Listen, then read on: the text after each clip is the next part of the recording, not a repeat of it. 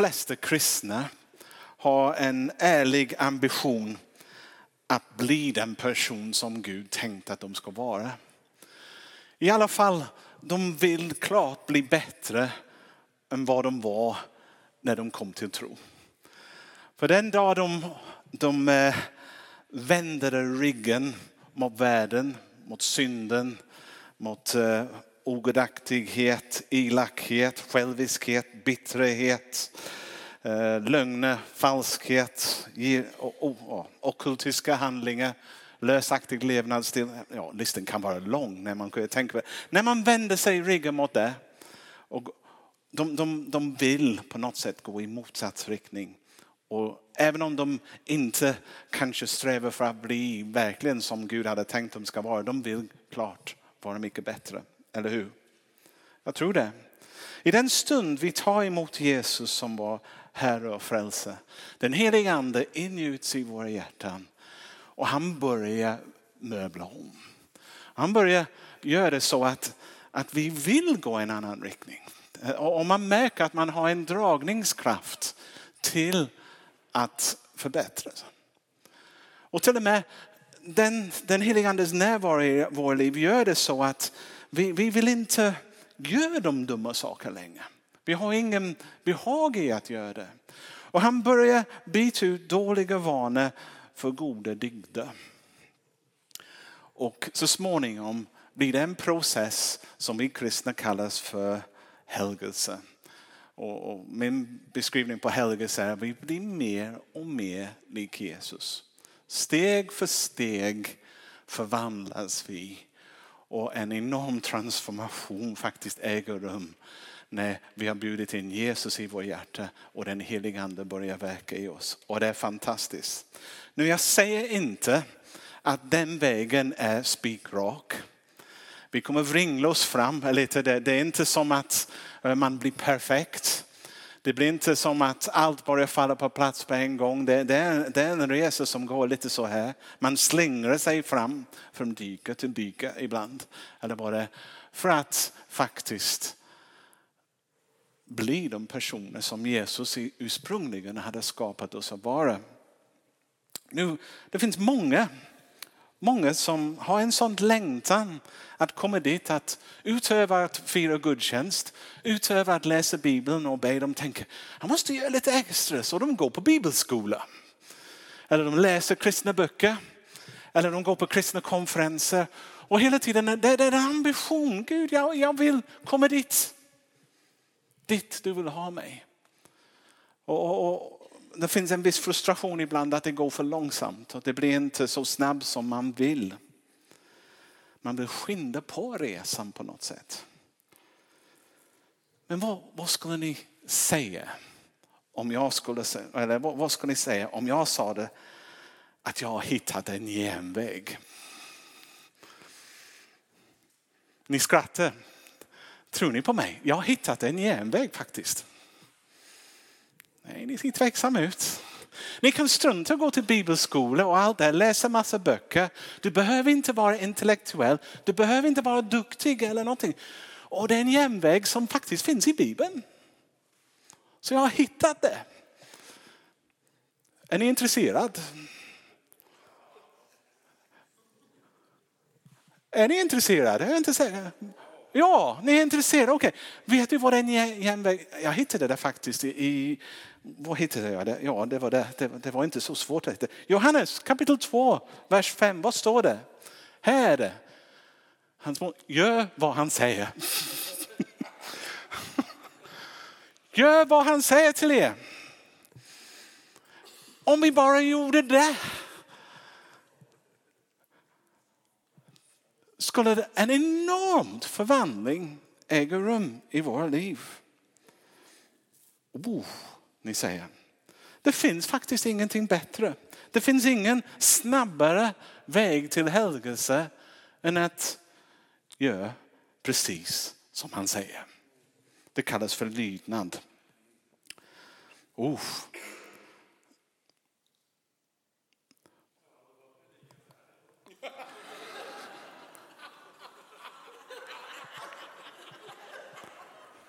Jag har, jag har några förklaringar på det lite, så, så att det blir lite bättre. Men egentligen, han har rätt. Han har rätt. När vi gör vad han säger, vi förvandlas. Och vi börjar till och med lysa. Vi har en utstrålning. Och vem som helst kan göra det. Vem som helst kan göra det. Ja, och det, det är klart underskattat tycker jag. Tänk hur många pengar vi kunde spara för en studielån och allt sådär. Alla som ska utbilda sig till pastorer och präster och sånt sådär. Istället för att skicka dem iväg, vi bara säger gå och gör vad han säger. Och det skulle bli det. Nu har jag en text som jag vill läsa för, för er. Det står så här, jag läser från. Är din text detsamma som min? Ord för ord eller har vi folkbibeln där uppe? Jag läser mina, igen. Mina barn, jag skriver dessa till er för att ni inte ska synda. Men om någon synder så finns det en som försvarar oss inför Fadern, Jesus Kristus, som är rättfärdig. Han är försoningsoffret för våra synder och inte bara för våra utan hela världens. Ah, det är evangeliet som jag pratar om. Vi har en som har försonat oss med Fadern. Att vi har lärt känna honom vet vi av att vi håller hans bud. Den som säger jag känner honom men inte håller hans bud är en lögnare och sanningen finns inte i honom. Men hos den som håller hans ord har Guds kärlek verkligen fullföljts.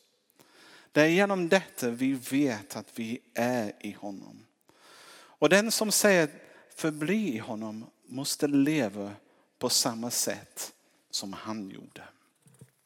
Oh, det var en annan text, jag kanske läser dem från, från tavlan nästa, nästa gång.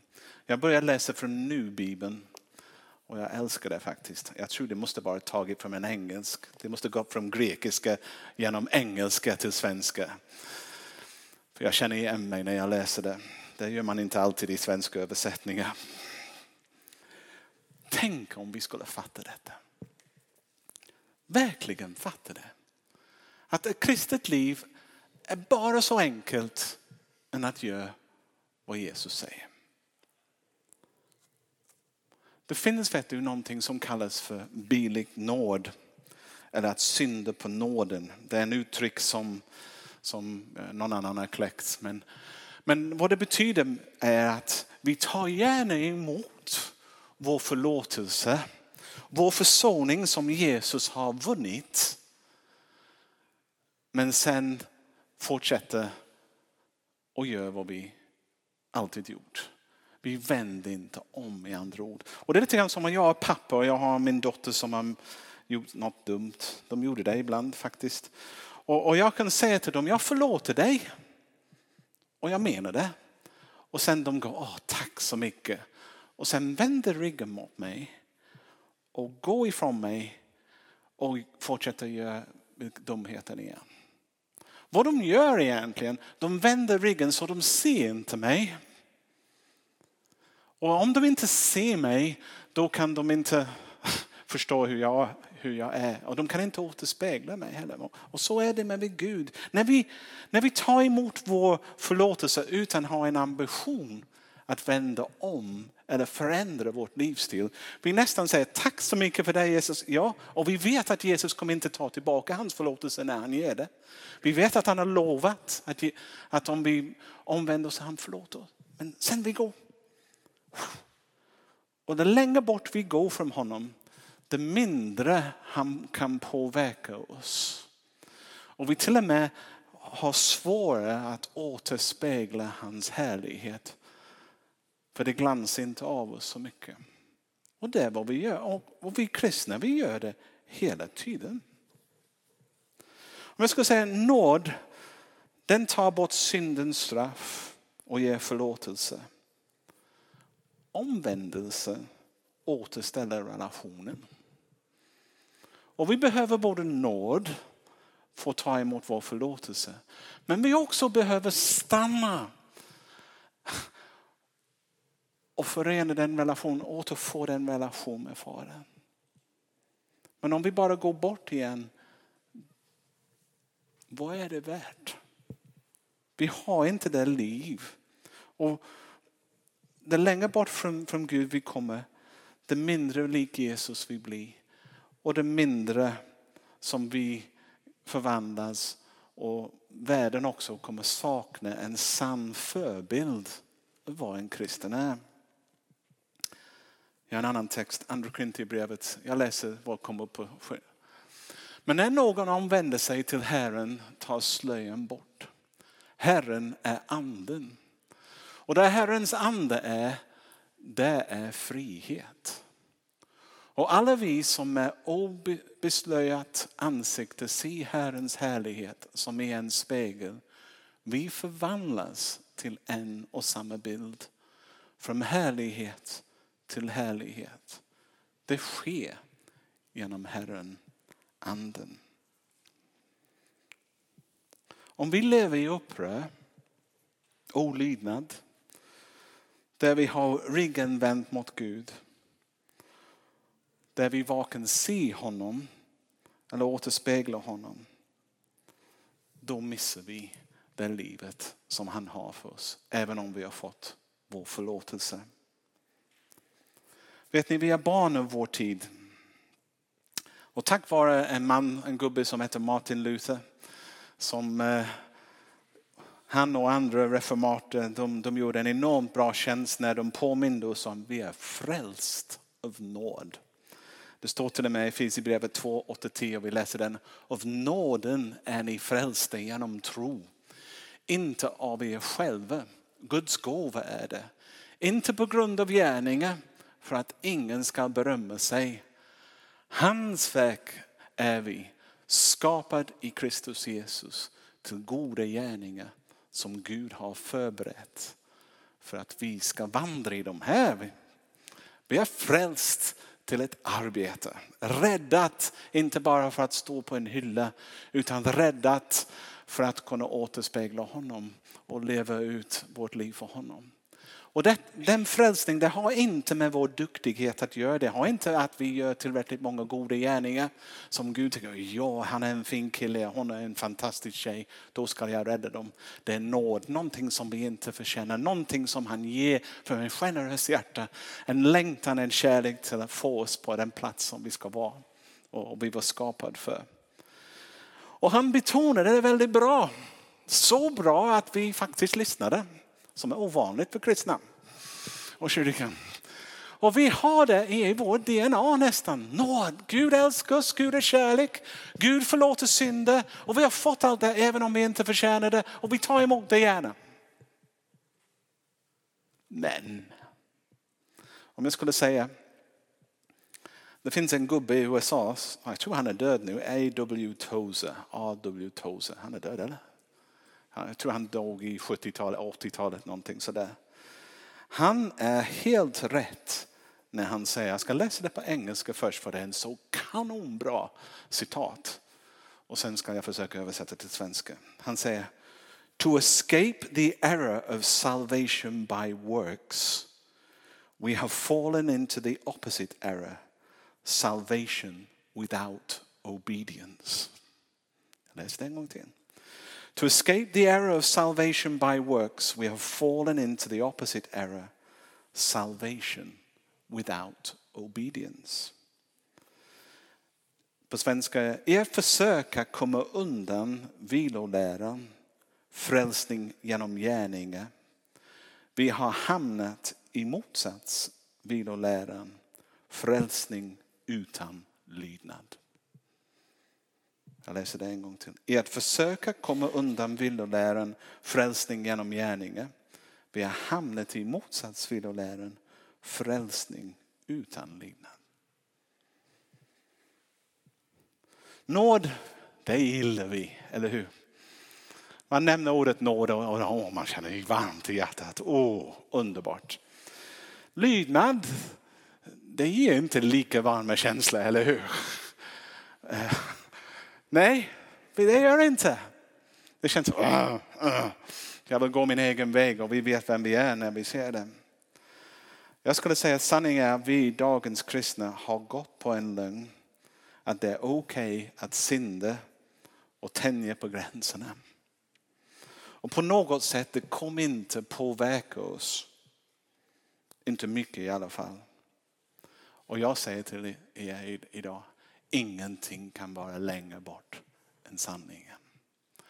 Varenda gång vi är olydiga, varenda gång vi syndar, det har konsekvenser.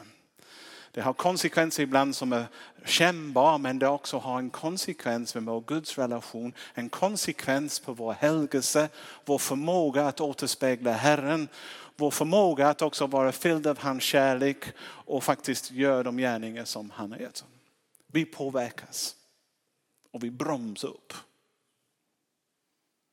För vad vi gör egentligen är att vända ryggen mot honom. Och vi tar, skapar avstånd från oss och honom. Det är allvarliga. Det verkar som att vi tror att när jag försöker analysera vår tid och hur vi beter oss och, och, och de, den kultur som finns i frikyrkan idag och i västvärlden. Eh, jag ska säga det verkar som om vi tror att om vi sköter oss på ett område, det täcker över ett område där vi inte sköter oss. Någon typ av kompensationsteologi. Jag vet inte om du har läst om det. Kompensations... Någonting som vi inte sköter. Lite grann som hinduism. Man, man säger att mata den goda hunden och den dåliga hunden. Man hoppas att man har tillräckligt många goda gärningar den sidan som ska väga tyngre än de dåliga gärningarna här. Så vi tycker att så länge vi ah, bara gör en sak, det är okej. Okay. Eller? Vi är väldigt noga med vissa bitar, men vi slarvar på andra viktiga delar. Det tror jag i alla fall. Men det finns en skrämmande exempel i Bibeln. Av hur detta, och det är taget från första Samuelboken. Sammanhanget är kung Saul. Eh, det finns en profet, en Guds man som heter Samuel och han hade sagt förmedlat ett ord till, till kungen vad han ska göra. Eh, det, det var hemsk berättelse. Det, det, är nästan svårt att predika över det i vår tid. Det nästan handlade om förintelse. De, det fanns några fiender där som måste bara tas bort. Och han skickade iväg kungen som skulle faktiskt förgöra allt. Men han kommer tillbaka med massa, eh, vad heter det, krigs, krigsbitar, det var ordet, tack så mycket. Han kommer med massa djur, en massa väder, saker som sådär. Kommer, och han möter Samuel. Och Samuel säger, då sa det Samuel, behagade Herren med brännoffer och slaktoffer. För lite grann så han hade massa djur. Och när, när han börjar känna lite dåligt, han har inte gjort vad han ska göra. Så, ah, men jag tog alla de här djur så att vi ska slakta, vi ska ha brännoffer till Gud för det. På något sätt vi ska använda det för Guds vilja för att förhöja dem. Och, Ja, känner igen er när han säger det? Ja. Då sa Samuel, behagade Herren med brännoffer och slaktoffer lika mycket som att man lyssnar till Herrens röst. Så i lydnad är bättre än offer. Oh. Och lyhördhet bättre än bägars fett. För uppröriskhet är trolldomssynd. Och trots är synd och avguderi. Efter du har förkastat Herrens ord har han förkastat dig som kung. Det faktiskt påverkar, vår lydnad påverkar om vi faktiskt kan komma in i det som Gud har tänkt på oss. Vi kan missa det. Och om det är superviktigt då, du kommer märka någon annan ta din plats och gör det. För Gud på något sätt måste fitta. Men annars är det, är det en fattigdom som vår kultur, vår tid, de andra människor som bor runt omkring oss kommer ha en kyrka som inte är lika komplett som det var tänkt att vara. Som går. Men de var, lydnad är bättre än offer. De, de orden går. Ah!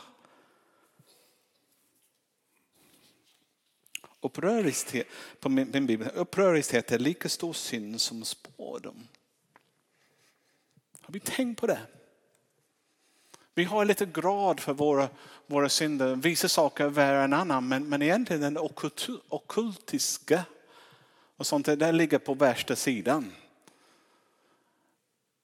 Men här står det att faktiskt att inte lyda Gud när han säger någonting är lika som spådom.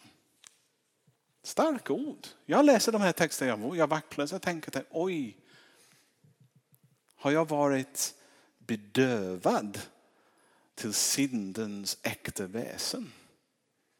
Har jag börjat leka med, med synden själv lite för mycket så jag inte förstår hur skadligt den är?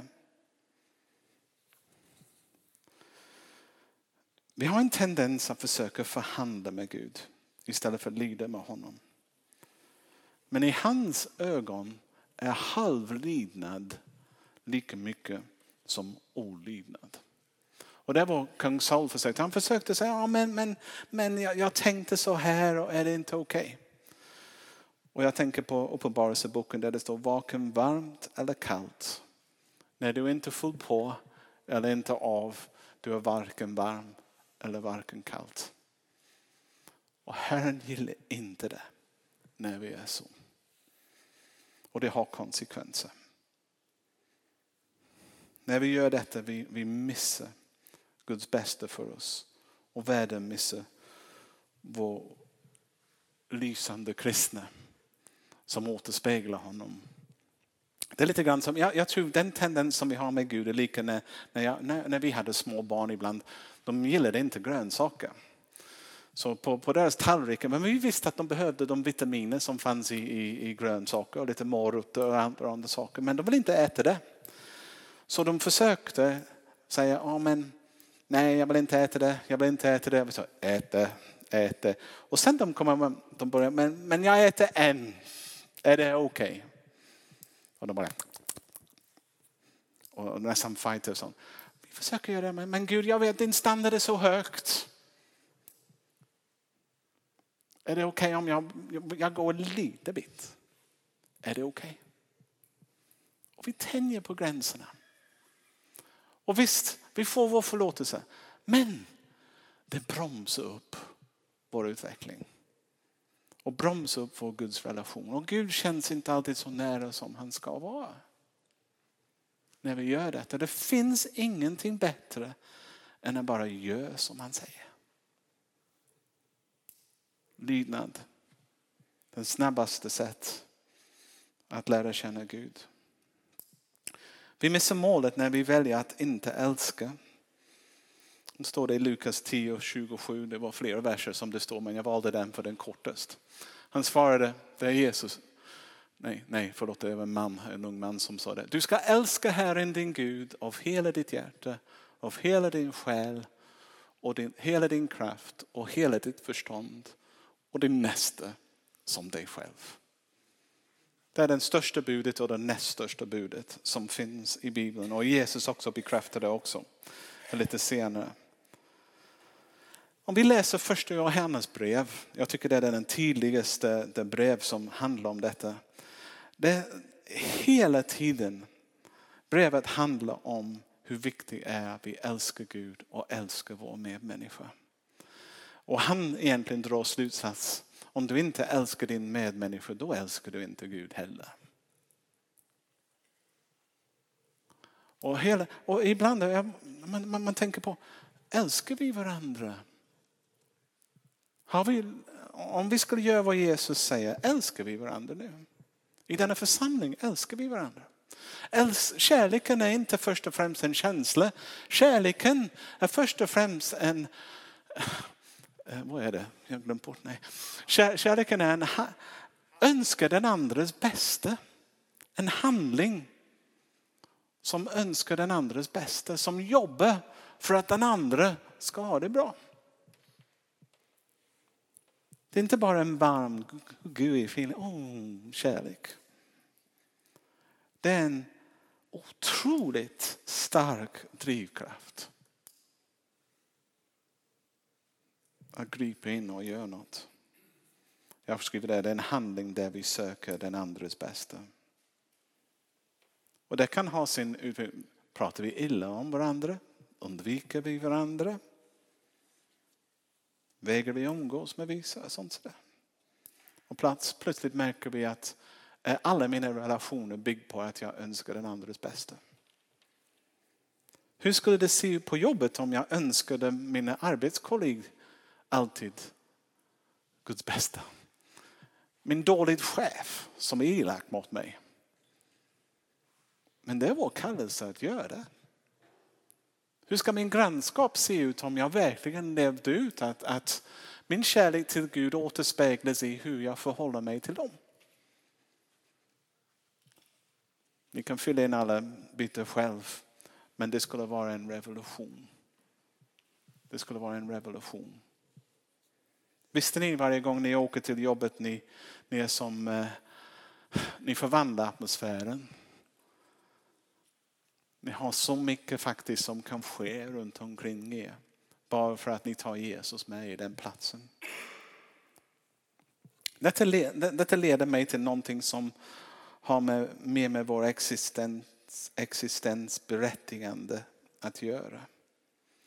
Jesus bad oss göra någonting, eller hur? Vad, vad var det som han bad oss göra innan han lämnade? Ska vi se den?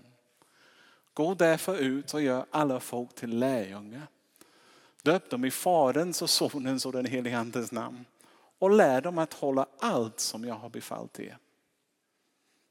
Och se, jag är med er alla dagar till tidens slut. Han är med oss när vi gör vad han säger. För han är med oss och han vill vandra med oss. Och att vi gör det som han säger är en förutsättning för att han är med oss. För om vi inte gör det är vi inte med honom. Enkelt.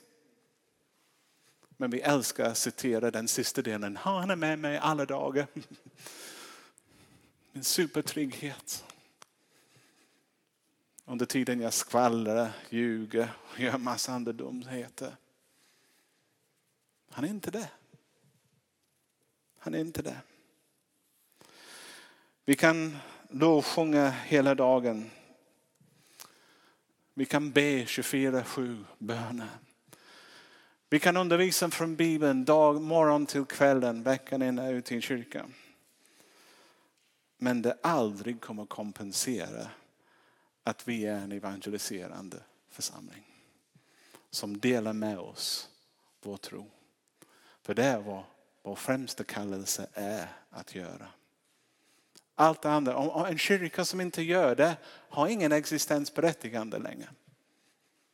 Vi finns till för de andra som ändå har inte hört talas om Jesus. Ändå har inte upplevt den frid som kommer in i hjärtat genom honom.